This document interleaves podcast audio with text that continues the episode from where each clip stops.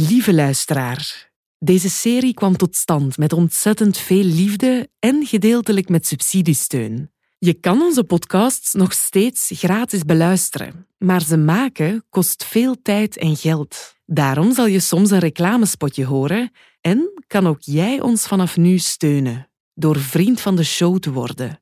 Hou je van ons werk en wil je er mee voor zorgen dat dit soort podcasts kan worden blijven gemaakt? Ga dan naar vriendvandeshow.nl slash de-erfenis en word vriend al vanaf 2,50 euro per maand. Of doneer eenmalig, wat je zelf wil. Dank je wel en geniet van de erfenis.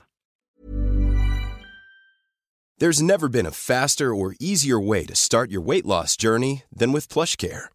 PlushCare accepts most insurance plans and gives you online access to board-certified physicians who can prescribe FDA-approved weight loss medications like Wigovi and Zepbound for those who qualify.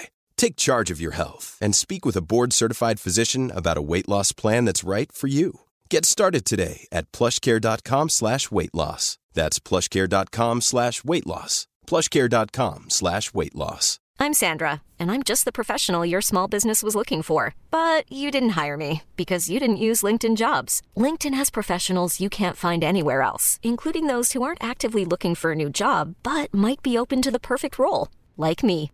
In a given month, over 70% of LinkedIn users don't visit other leading job sites. So if you're not looking on LinkedIn, you'll miss out on great candidates like Sandra. Start hiring professionals like a professional. Post your free job on linkedin.com/achieve slash achieve today. Sommige plekken verraden niets over de dingen die er zijn gebeurd. Siona kijkt zo verschrokken. Dat is verschrikkelijk. Ja, nee, maar ja, dat soort dingen gebeuren natuurlijk, ja. Vier muren, een tafel met stoelen, een gesloten deur en nergens een spoor van wat mensen hier met elkaar meemaken. Wat voor emoties zit hier passeren? Allemaal. Alles, hè. Je ziet alle emoties afhankelijk van het type dossier. Hè. Zo'n plek is een notariskantoor. Soms epische ruzies. En ik heb al het geld in de verbouwing gestoken. Dat is niet waar. Je hebt al het geld in je eigen verbouwing gestoken. heb ik ook al eens gehoord. Dat zijn zo van die momenten dat je denkt van... Waar moet ik nu kijken? Dat knalt hier over tafel. Dat gebeurt al eens. Het gebeurt al eens in Antwerpen, bij notaris De Deken, maar evengoed in Utrecht, bij notaris Van der Geld. Dan is het dus mogelijk dat een echtpaar komt en ook erop staan dat ze tegelijkertijd een gesprek hebben met de notaris, omdat het over hun gezin gaat. Allebei, oh nee, tuurlijk schatje, jij bent mijn erfgenaam. En dat een van beiden terugkomt en zegt, ja, ik was hier eh, met mijn vriendin of mijn, man, maar ik eh, wil toch dat iemand anders van me erft. Notarissen zijn de muisstille getuigen van wat er zich achter de schermen van onze levens afspeelt. En ik, als, die, als die ene partner mij belt en zegt... Is mijn partner bij u langs geweest? Ik mag niks zeggen. Maar hoe moeilijk is dat? Nee, dat is niet moeilijk. Dat is gewoon de essentie. Maar zeg je dan nee of zeg je daar kan ik niks over zeggen? Daar kan ik niks over zeggen. Dus als, als ik die vraag stel aan mijn notaris en die zegt daar kan ik niets over zeggen, is dat dan een reden tot paniek? Nee. Jij zegt altijd Nee, ja, daar kan ja. ik niks over Nee, zeggen. helemaal niet, want, want die is er misschien inderdaad niet geweest. Maar zeg dan toch nee? Zeg dan toch nee om die persoon gerust te stellen? Of dat mag ook niet, nee. Dat is moeilijk. Nee, maar dat is moeilijk. Hoe meer zij prijsgaven over het schimmenspel rond hun tafels, hoe gretiger wij werden. Maar voor we daarmee verder gaan, misschien eerst even dit. Want wat zitten wij, merken Siona en ik, Nele van Audiocollectief Schik, met z'n drie bij die notarissen te doen? Hallo? Hallo, Siona. Ehm Mirk, hallo? Word ik opgenomen? Hallo? We zaten er niet om onze gemeenschappelijke huisaankoop te regelen of om ons in elkaars testament te schrijven. Even eerlijk vraagje. Ben je een podcast aan het maken of zo? We wonen elk in een andere stad, verspreid over België en Nederland. Maar er gaat geen dag voorbij zonder dat we elkaar bestoken. Als jij nu, morgen, zou sterven, Ja? wat valt er Uh-huh. dan van u te erven? Eh, echt van waarde bedoelt je? Ja. Even nadenken, wat heb ik? De vraag stelt zich pas als je levenseinde in zicht is. Ik laat de helft van een appartement achter. Ik heb geen huis, als in ik huur. Ik heb geen auto. Ja, ik heb wel nog een chique kast. nou ja, dat is het volgens mij. Nu we hier zo mee bezig zijn, heb ik daar wel over nagedacht. En vooral over wie krijgt het dan. Ehm, Nu is het ook niet zo dat we met ons levenseinde bezig zijn. Maar toch spoken de vragen. Wat laat je in deze wereld achter als je er zelf niet meer bent? Een huis vol spullen. Manden, schuiven, zakjes. Oh, ik beklaag de mensen die zich daardoor gaan moeten werken. Wat zet je in je testament dat pas wordt gelezen na je dood? En wat zal dat teweegbrengen bij je erfgenamen? Want ja, je wilt, je wilt iemand kwetsen, denk ik. Of, of net wel. Net zoals mensen zich hun begrafenis alles durven inbeelden, de muziek, de slideshow, de mensen, zie ik soms al eens de scène die daarop volgt. Die in de notariskamer. Erfgenamen die zich verzamelen, rond kluizen die openzwaaien. De notaris die zijn keel schraapt, het testament wordt voorgelezen, een kreet wordt geslaakt. Intriges komen aan het licht, gemoederen raken verhit, iemand wordt onwel, iemand roept verrader en ik heb het altijd al geweten. Daar in de notariskamer spatten emoties uit elkaar en druipen tegen de muur langzaam naar beneden.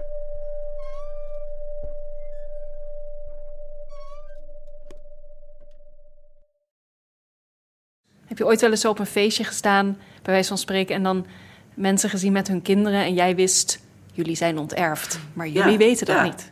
Onze oren suisden van alles waar notarissen over moeten zwijgen. Ik heb nu concreet zo'n situatie. Ik weet, het ging- gaat nu over een dochter. Ik ken die dochter heel goed.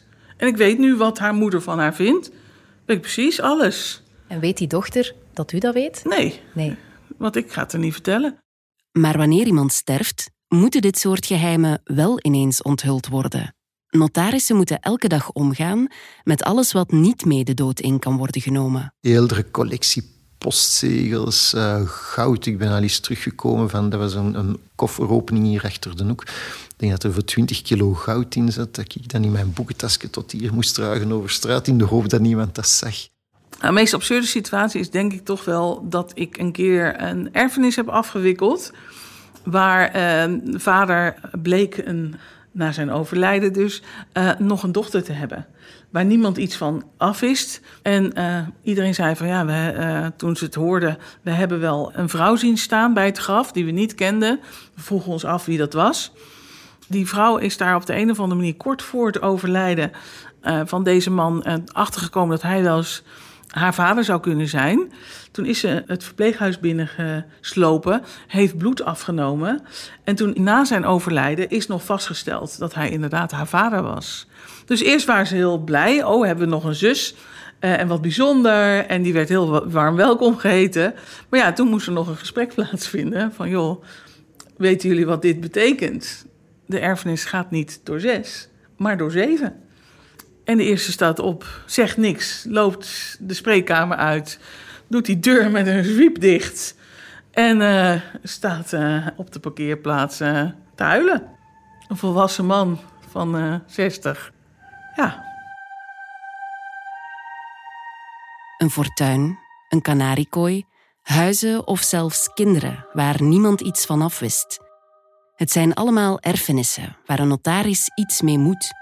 Maar ik had niet zo verwacht dat het zo interessant zou zijn. Ik dacht dat het uit heel veel repeterende handelingen zou bestaan. Dat het een, ja, een, een, een, zeg maar een beetje saai kantoorbaan zou zijn. Maar niets was minder waar. Eh, ik bedoel, dag één werd ik gegrepen en eh, dat is nog steeds zo. En dat is precies wat wij ook zijn. Gegrepen door erfenissen. Als je denkt aan het woord erfenis, dan heeft dat toch voornamelijk betrekking op geld en huizen en nou ja, spullen die worden nagelaten.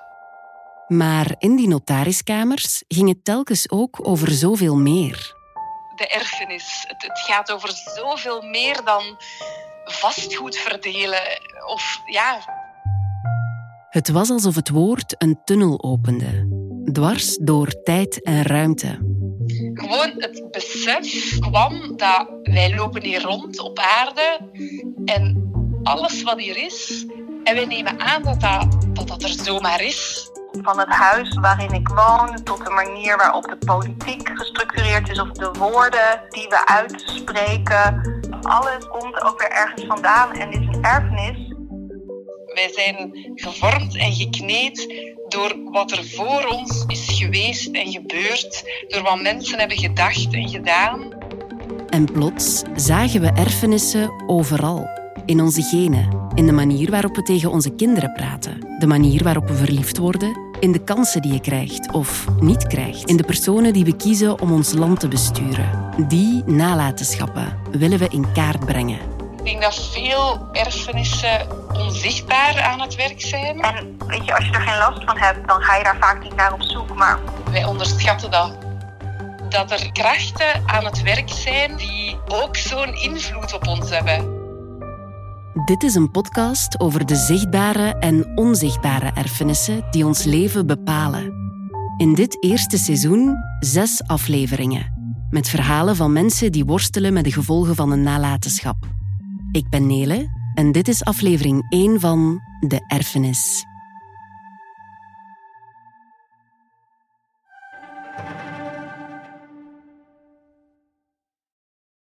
Mag ik nog een vraag stellen? Um, denk jij dat mensen, of we in het algemeen, de invloed van erfenissen op ons leven uh, onderschatten of overschatten? Ik denk dat het onderschat wordt. De Utrechtse notaris van der Geld maakte ons duidelijk dat erven nooit zo eenvoudig is als een som geld krijgen of een huis overnemen en klaar. Erven is, uh, kijk, als iemand overlijdt, dan uh, uh, zou je het kunnen zien als een soort vacature die vervuld moet worden. Want iemand die heeft allerlei contracten lopen, die heeft allerlei bezittingen en daar moeten we iemand anders voor vinden. En om maar eens een voorbeeld te noemen, een hypotheek die stopt heus niet omdat er iemand is overleden. Dus als je erfgenaam van iemand bent, dan erf je ook zijn hypotheek en ben jij voortaan verplicht om maandelijks rente te betalen. Sommige onderdelen van een mensenleven trekken zich van de dood niets aan en lopen gewoon door zonder de mens van wie dit leven was. Die plek komt dus vrij, als een vacature die zich opent, een spookpositie, die jij als erfgenaam moet vervullen. En dit is waar het erfrecht creepy wordt. Dat komt van een, van een Franse uitdrukking. Le mort saisit le vif. Le mort? Le mort saisit le vif. Ja, en dat, dat is eigenlijk in het Frans de term voor het erfrecht. Hè, dat is dat de overledene, en dat vinden de studenten altijd heel akelig als ik dat zeg, een hand geven aan de levende. En dat die eigenlijk opgeslurpt wordt door die, uh, in, die, in de levende personen. Le mort saisit le vif. Ik zie het nogal scherp voor me. Een ijskoude hand die je op de schouder tikt en aan je mouw trekt want er moet een vacature worden vervuld. Maar wat als die vacature een soort nachtmerrie blijkt te zijn? Nou, geen geld of spullen. Maar problemen. Maar problemen. Het overkomt de familie in dit verhaal. Een verhaal dat begint op een gewone avond in een gewoon Vlaams gezin.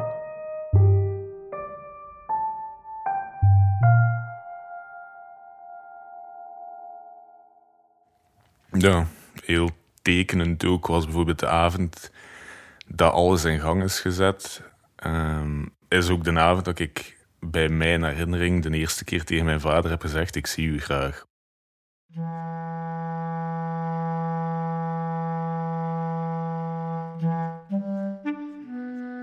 Zeer vreemd. Hè? Ik denk dat ik mijn, een van mijn beste vrienden toen thuis kwam. Uh, wij komen lachend die kamer binnen.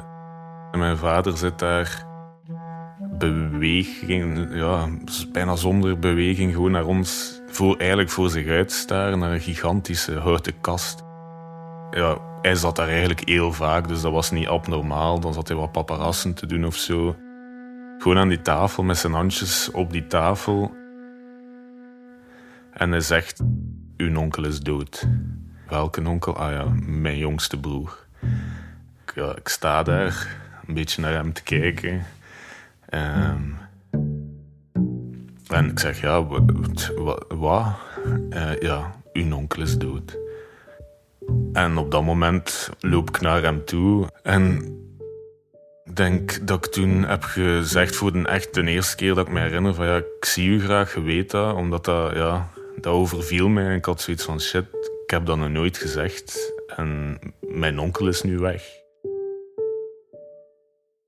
Bij deze diepe stem hoort een man van 2 meter en 5 lang. Dat maakt elke introductie redelijk eenvoudig. Ja, ik speel basketbal. Nee, geen volleybal. Ik ken hem al jaren. Zijn naam is Thomas. Maar zo noemen wij u niet, hè? Zo noemen jullie mij niet, nee. De meesten uh, noemen mij Toos. Een paar jaar geleden trouwde Toos met een goede vriendin van mij. Een kleine Griekse vrouw die ongeveer tot aan zijn borst komt. En het moet na behoorlijk wat glaasjes oezo zijn geweest dat ik voor het eerst hoorde over de dood van zijn oom en de bijzondere erfenis waar zijn familie mee te maken kreeg. En hoe lang is dit geleden? Wanneer was dit? Ga, dat is zo'n vraag. Uh, ik vind dat vrij lastig. Wij spreken daar niet over, dus voor mij is dat ook heel moeilijk om daar een tijdsbesef van te hebben. Uh, maar dat is ja, eigen aan ons gezin.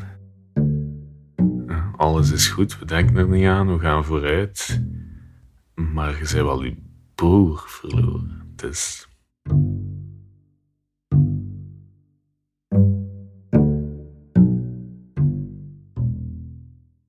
Wanneer de broer van zijn vader overlijdt, komt dit voor de hele familie van Toos totaal onverwacht. Ja, wat er toen gebeurd is, uh, heeft niemand, niemand zien aankomen. Dat kwam volledig uit het niets.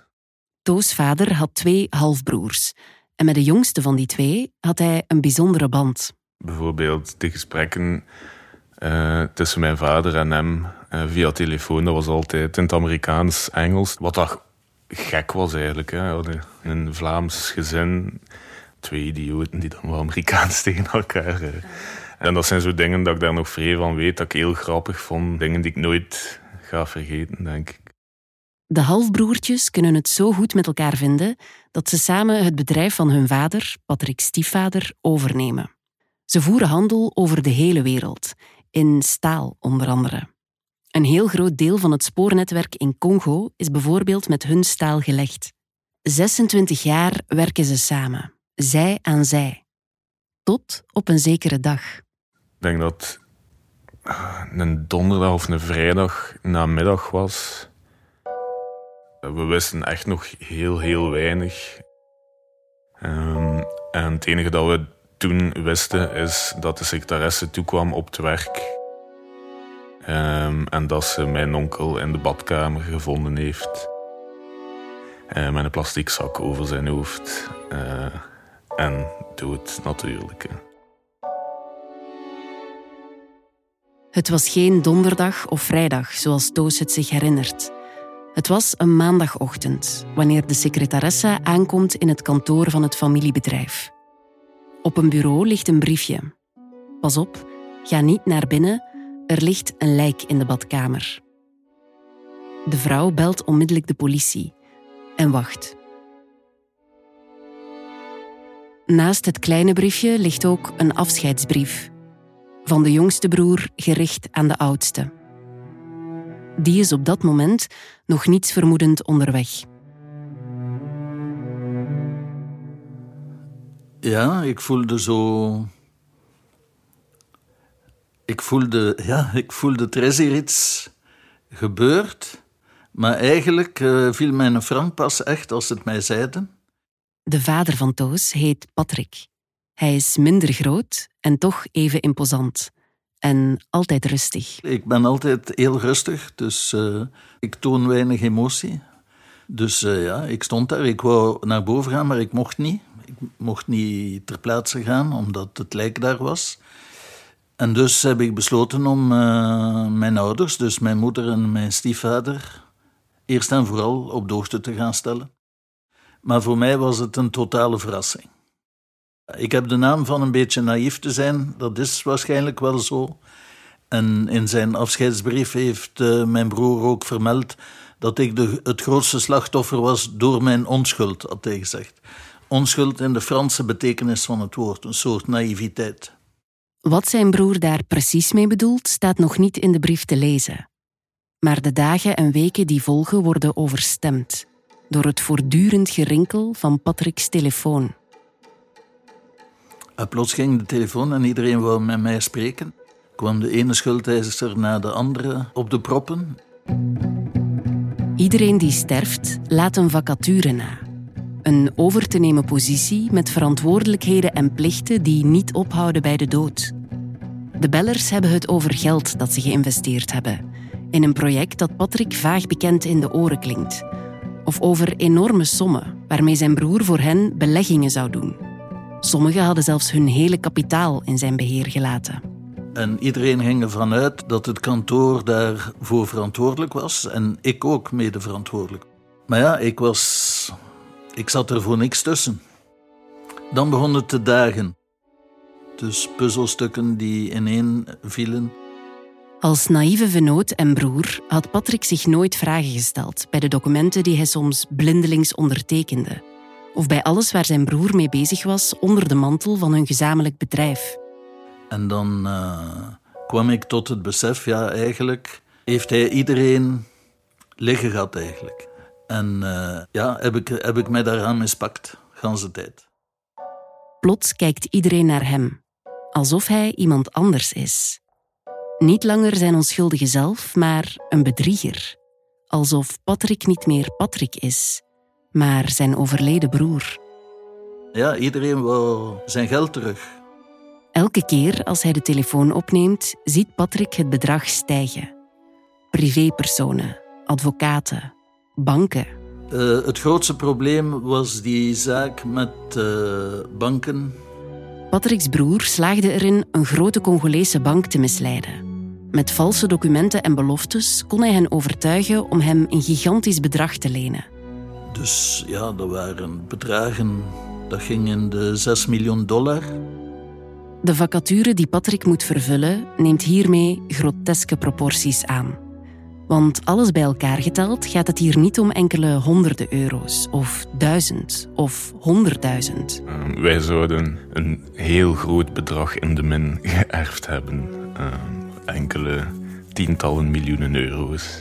Ja, ja, want als je alles bijeentelt, dan komt je gemakkelijk aan 20 miljoen. De erfgenamen blijven achter met een put waarvan ze de bodem amper kunnen zien. Le mort saisit le vif. De dode broer grijpt de levende en slorpt zich in hem op.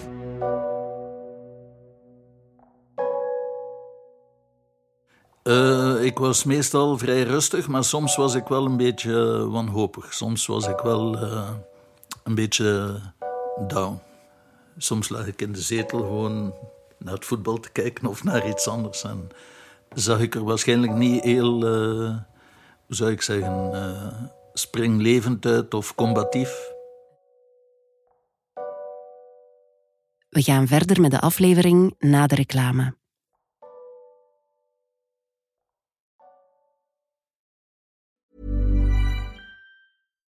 One size fits all seemed like a good idea for clothes. Nice dress. Uh, it's a it's a t-shirt.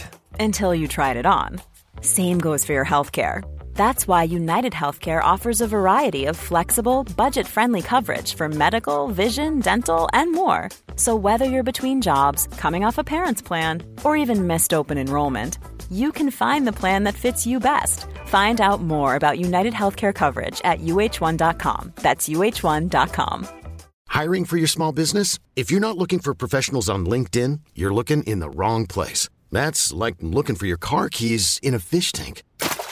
LinkedIn helps you hire professionals you can't find anywhere else, even those who aren't actively searching for a new job but might be open to the perfect role. In a given month, over 70% of LinkedIn users don't even visit other leading job sites. So start looking in the right place. With LinkedIn, you can hire professionals like a professional. Post your free job on linkedin.com slash achieve today.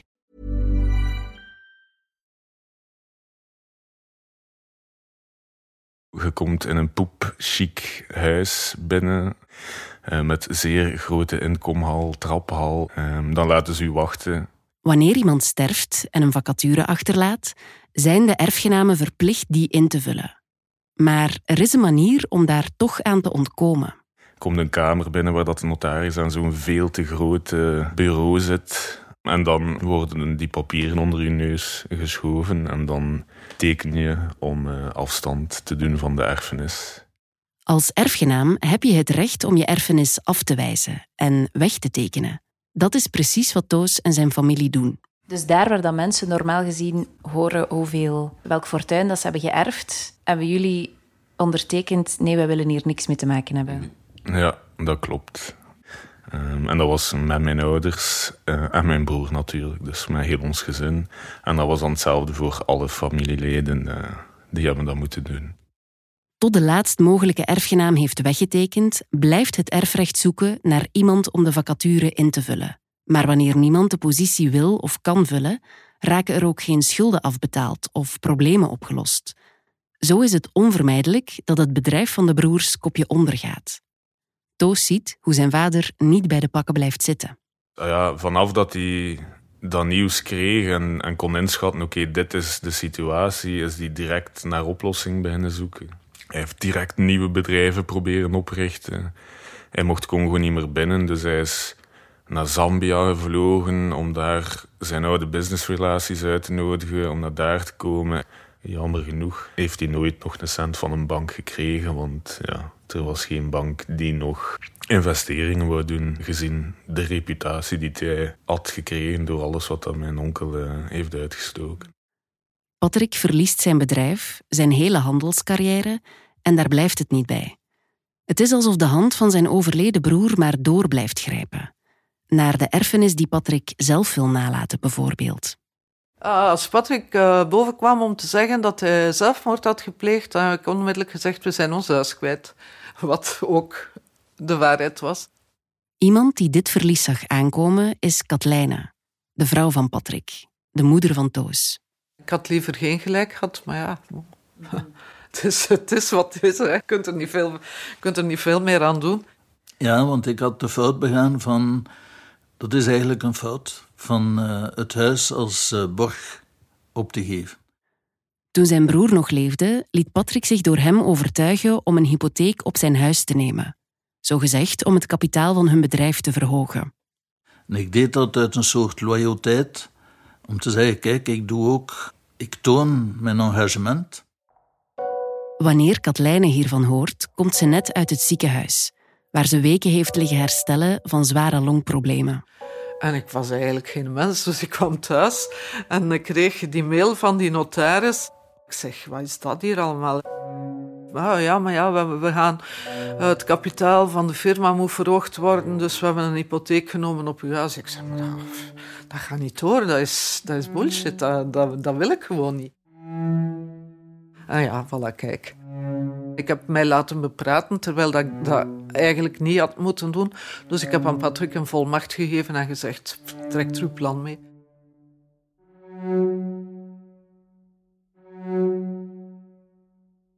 Zwak, vermoeid en tegen beter weten in, geeft Katlijne toe.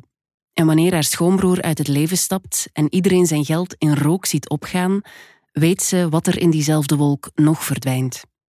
Dus wij hadden ons huis eigenlijk bijna afbetaald. Er moesten nog een paar tienduizend euro's voor afbetaald worden.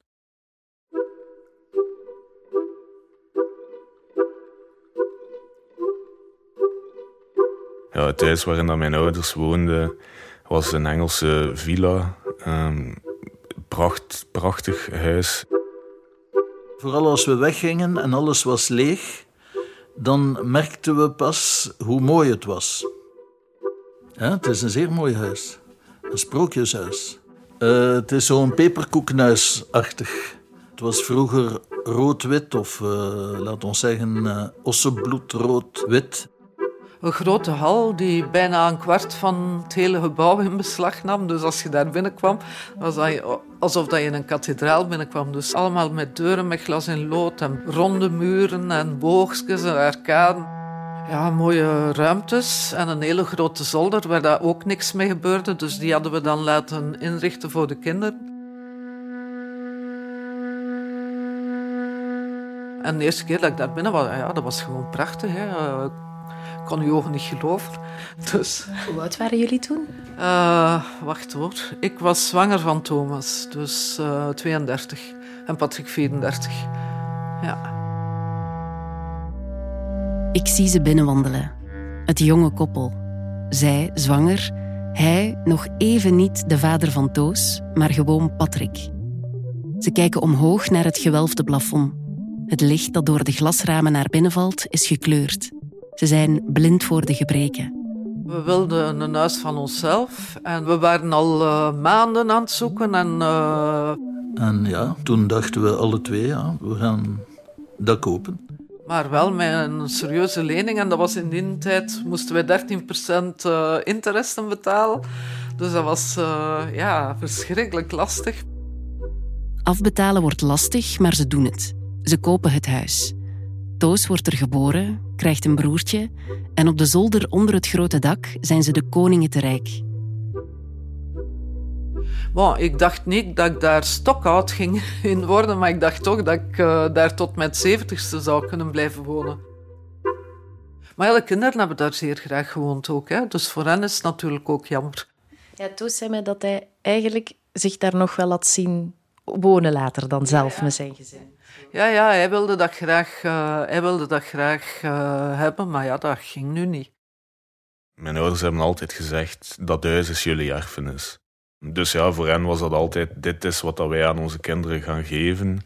Ik had er graag met mijn gezin gewoond, maar ik vind het vooral heel jammer voor mijn ouders, omdat ik mijn moeder op een, een avond heb zien breken onder het feit van ik kan nu niets meer geven als ik ga. Ik kan niets meer.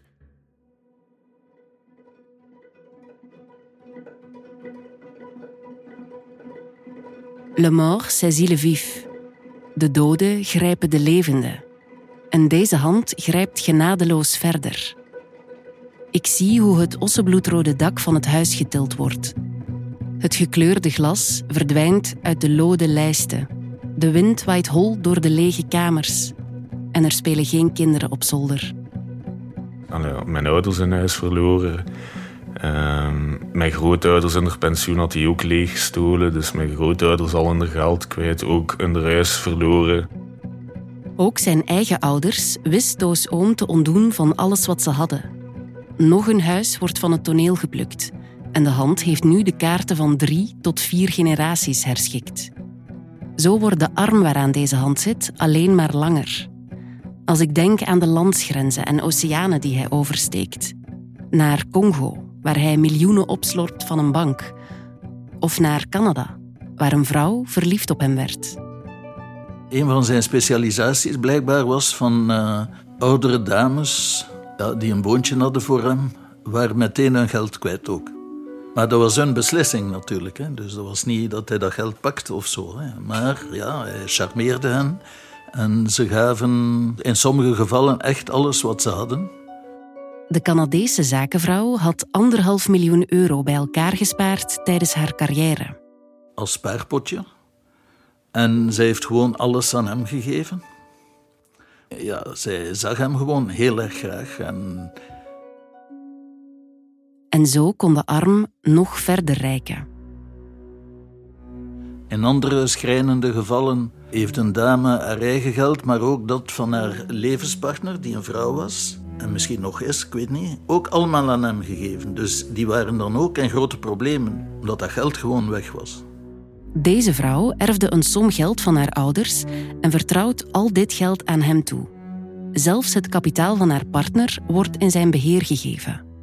En zij hebben moeten ja, ook verkopen wat ze hadden. En die woonden in Engeland en die zijn dan in een klein huisje in Frankrijk gaan wonen, waar dat zeer armoedig was. En daar kwam nog eens bij dat die levenspartner ook ziek was. Plus dat die dan nog kinderen had die normaal gezien een erfenis zouden hebben die er nu niet meer is. Dus dat zijn gevallen, alleen allemaal straffe gevallen, ja.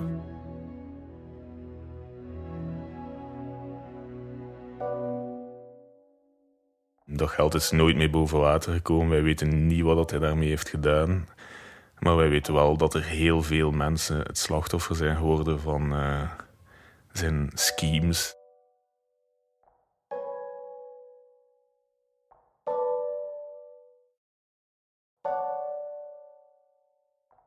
Met een handtekening in een notariskantoor konden de erfgenamen voorkomen dat de hand hen een bodemloze schuldenput introk. Maar de nasleep neemt nog jaren in beslag.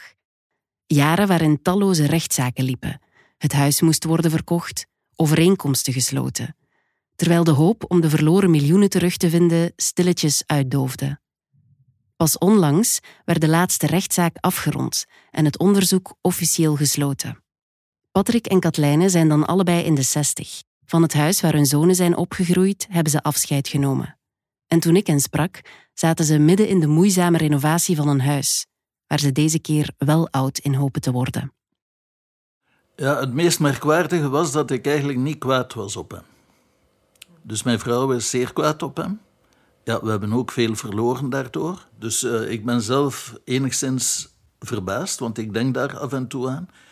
En ik zie dat bij mijn moeder ook. Uh, ze weet heel goed wat er gebeurd is, maar uh, ik denk dat ze niet echt kwaad kan zijn op hem. En ik ben eigenlijk ook nooit kwaad geweest. Als Patrick me zijn verhaal vertelt, is dat inderdaad nooit bitter of boos. Geen één kwaad woord hoor ik hem zeggen over zijn broer. En ik denk terug aan dat jonge koppel dat ooit begon te bouwen aan hun toekomst. Nog zonder een flauw vermoeden dat wanneer hun kinderen volwassen en het huis uit zouden zijn, ze opnieuw zouden moeten beginnen. Met bouwen, afbetalen, sparen. Ik vraag me af hoe kwaad ik zou zijn, gefrustreerd of droef. Hoe moeilijk ik het zou vinden om mijn toekomstbeeld los te laten. En ik ben ervan onder de indruk hoe Katlijne en Patrick daar niet in blijven hangen. Ja, dat stemt mij ook droevig natuurlijk, maar soms je hebt zo van die droevige zaken waar je echt niets kunt aan doen. Hè. Dus uh, je kunt daar in droefheid weer in verzinken. Ja. Maar je kunt ook zeggen, ja, het is nu zo. Ja, ik wil daar ook allemaal niet uh, blijven over wat als. Het haalt niet uit. Hè. Je, je zit in de situatie waar je in zit en je, bon, je, doet, je doet verder. Hè. En dan denk ik terug aan wat Toos mij eerder vertelde. Alles is goed, we denken er niet aan, we gaan vooruit. Maar je bent wel je broer verloren. Dus... Ik moet denken aan hoe moeilijk hij het vond om zich te herinneren wanneer dit alles precies was gebeurd. En hoe lang is dit geleden? Wanneer was dit? Dat is zo'n vraag. Uh, ik vind dat vrij lastig. Wij spreken daar niet over, dus voor mij is dat ook heel moeilijk om daar een tijdsbesef van te hebben. Ondertussen weet ik dat het acht jaar geleden is dat zijn oom uit het leven stapte. Acht jaar geleden. Ik probeer me te herinneren wat er toen in mijn leven speelde. Ik werd verliefd op mijn lief in hetzelfde jaar dat de vader van mijn beste vriendin overleed. Dat jaar is een mijlpaal die ik zet door het erover te hebben, telkens wanneer er een jaar bij komt. Dat het vijf jaar geleden is, zes jaar, zeven. Zo blijft die mijlpaal overeind. Maar bij Toos lijkt het omgekeerde aan de hand. De mijlpaal lijkt nooit te zijn gezet en vervaagt alleen maar. Uh, maar dat is ja, eigen aan ons gezin. Ik noem dat dan een oer-Vlaams gezin dat niet over gevoelens en uh, slechte dingen spreekt. Alles wordt een beetje doodgezwegen. Uh. Uitspreken wat er van binnen kolkt. Dat gaat niet vanzelf in zijn familie, zegt Toos. En ook dit wordt al een paar generaties doorgegeven. Um, wij wisten niet dat mijn grootvader al misschien tien jaar botkanker had. Hij heeft al jaren mee rondgelopen, ons nooit gezegd. Um, en het verlies van zijn jongste zoon heeft hem doen opgeven en is hij op zeer korte, ik denk op ja, een aantal jaar tijd, hebben we hem volledig achteruit zien gaan. En we hebben die echt onder het verdriet volledig zien, uh, zien wegkwijnen, totdat ja, hem te veel is geworden. Mijn stiefvader die was zeer strijdbaar, de hele tijd door, maar ik vermoed dat zijn manier om het uh, te verkroppen hem eigenlijk de das omgedaan heeft. Patrick's stiefvader, die Toos gewoon als zijn grootvader zag, stierf zonder dat iemand ooit van hem een woord had gehoord over hoe ziek hij was of wat er met zijn jongste zoon was gebeurd. Ja, um, dat past weer heel mooi binnen wat ik al een paar keer heb gezegd, hè, dat, dat wij al die dingen verzwijgen en doen.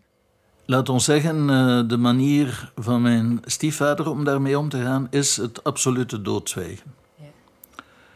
Dus mijn moeder mocht daar zelfs niets over zeggen. Patrick's moeder, de oma van Toos, overleefde eerst haar zoon en niet veel later haar man. Ze woont alleen. In het huis waar haar zoon is opgegroeid, waar daar haar man is overleden. Ja. Het is een huis dat niet meer van haar is, maar waarvan de familie gelukkig met bepaalde schuldeisers kon overeenkomen dat zij er mag blijven wonen zolang ze leeft. 94 is ze. Het meeste wat ze zegt is dat ze eenzaam is. Um, nu, allee, haar zonen uh, doen hun uiterste best om daar zoveel te zijn. Ik weet dat mijn vader er elk weekend is. Ik weet dat zijn broer quasi elke middag komt eten. Maar ja, zij is eenzaam. Hè. Ondanks de bezoekjes van de twee zonen die ze nog heeft, blijft de olifant in de kamer het verdriet om de derde. Maar mijn moeder heeft mij bijvoorbeeld verleden week gezegd dat ze gezocht had in de kamer van mijn broer, Zaliger, en dat ze die afscheidsbrief gevonden had. En uh, dat ze de ganse morgen had geweend. Ah ja, bon, als hij dat zegt. Maar ik ga er dan niet op in, want uh, misschien ligt het aan mij. Hè? Ik, ik denk niet graag aan droevige zaken. Dus dan zeg je het niet. Uh, wat heb ik toen gezegd? Ah, nee, dan zeg ik gewoon, ah ja, en uh, dan uh, draai ik de conversatie in een andere richting uit. Oei, ik krijg hier slechte punten. ja, ik weet niet. Ja, gelijk dat we niet over die gebeurtenis babbelen, doen we dat nu ook niet over met haar. halen jullie soms wel herinneringen op aan, aan die onkel of die, heeft die nog wel bestaan? Nee, daar wordt niet meer over gesproken. Daar wordt, er wordt ook niet meer over mijn grootvader gesproken. Ik denk, dat is iets, allez, ik weet niet of dat ik daar zo noodzakelijk akkoord mee ben. Ja, ik, ik kan me inbeelden hoe dat Toos dat ziet. Ja. Pas op, hij kan veel beter met emoties om dan ik. Is dat zo? Wel, ik denk het. Of met emoties van anderen. Want toen mijn stiefvader overleden is, dan hield hij bijvoorbeeld mijn moeder haar hand vast. Hij heeft zo van die gebaren die, die ik niet heb, maar die hij wel heeft. Ja, maar bon, opnieuw, dat is iets dat ik ook heb moeten aanleren door met vrienden om te gaan. Want vanuit mijn gezin en familie is dat er nooit geweest. Je spreekt niet over je gevoelens. En over een ander zijn gevoelens al helemaal niet. Laat die mensen met rust. Dus ik denk dat ik daar ook wel heel veel uh, van overgeërfd heb dan. Uh.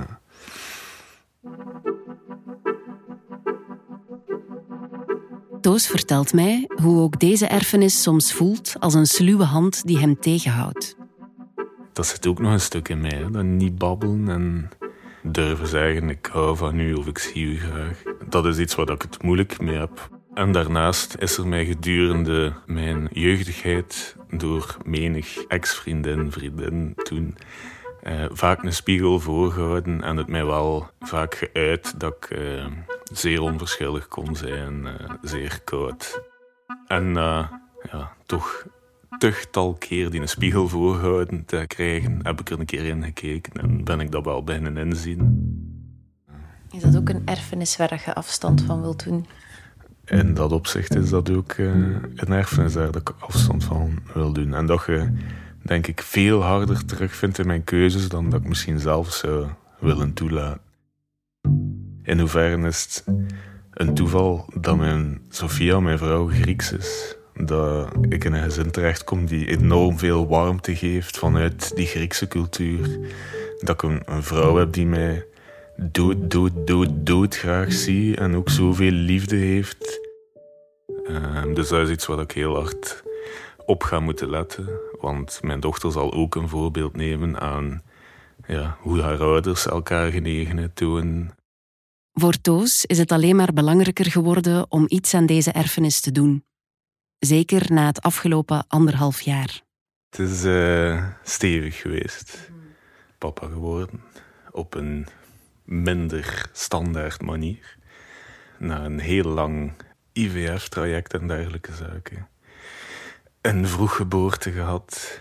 Uh, twee maanden gewacht om ons dochtertje mee naar huis te mogen krijgen. En uh, uiteindelijk, na alle complicaties en hordes en tegenslag, alles goed gekomen. Knock on wood. Uh, en nu is het alsof er nooit iets gebeurd is en draagde gewoon ergens een nachtmerrie mee, denk ik. Maar fantastisch nu. Papa zijn is zalig. Toos vertelt mij dat vader worden hem nog meer doet stilstaan bij wat hij meedraagt van thuis, en wat hij wil doorgeven en wat niet. Soms is het zo klein als een hand die wordt vastgenomen. Soms is het een gesprek van misschien wel uren, zoals hij inmiddels schijnbaar moeiteloos de tijd volpraten tegen mij. Hij wil graag laten zien dat het kan. Dat is uh, absoluut mijn missie, om, om dat aan mijn dochter te tonen. En is dat iets wat vanzelf gaat? Of gewoon in het dagelijks leven? Een, ja. Uh, ja, nee, dat kost mij wel moeite. Um, ja, stilstaan bij handelingen die ik net heb gedaan of juist niet heb gedaan. Dus dat vraagt wel energie. Dit soort erfenis kan je niet zomaar wegtekenen in een notariskantoor, maar vraagt energie. Elke dag. En ondertussen zit ook zijn oma nog steeds in haar huis. Ik denk dat mijn grootmoeder heel veel zou hebben aan een keer babbelen over haar eh, man, mijn opa, een keer babbelen over hoe dat was voor al die miserie met mijn onkel. Nu loopt iedereen zo wel op eieren rond daar.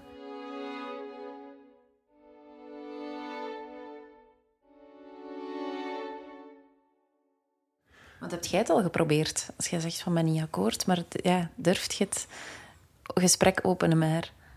Nee, ik heb, alleen durf ik het? Ik weet het niet. Um, ik denk, moest ik daar een keer alleen naartoe rijden en met mijn oma daarover hebben, dat dat misschien wel een goed idee is. Ja, wat moet er gebeuren voor u voordat je dan een keer zou doen? Ik denk dat dit genoeg is geweest. Uh Het is misschien geen slecht idee om die eerste stap uh, te zetten. Stapt op een trein en gaat naar Rio, maar...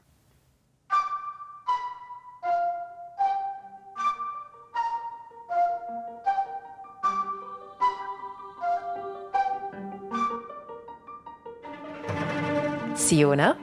Ja, Nele? Wat gebeurt er in de volgende aflevering? Wat voor soort erfenis hebben we dan? In de volgende aflevering ontmoeten we een vrouw Iris. En zij erft alle dagboeken en brieven van haar moeder. En zo stoot ze op een groot geheim. Het was echt voor mij alsof ik zo intens met iemand had geleefd. En die hield daar gewoon nog een leven op na. Een dubbel, zeg maar een dubbel leven. Ik ken mijn moeder, was mijn standpunt. Ik weet wie mijn moeder is. En dit hele verhaal, daar weet ik niks van.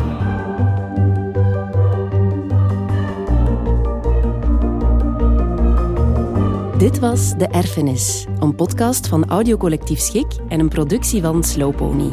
Deze serie kwam tot stand met de steun van het Vlaams Audiovisueel Fonds van de Vlaamse Overheid, het Letterenfonds, het Cultuurfonds, het Amsterdams Fonds voor de Kunsten en Stad Antwerpen. Wie met vragen zit over zelfdoding, kan terecht op het gratis nummer 1813 in België of bel gratis 0800 0113 in Nederland. Even when we're on a budget, we still deserve nice things. Quince is a place to scoop up stunning high-end goods for 50 to 80% less than similar brands. They have buttery soft cashmere sweaters starting at $50, luxurious Italian leather bags, and so much more. Plus, Quince only works with factories that use safe, ethical, and responsible manufacturing. Get the high-end goods you'll love without the high price tag with Quince.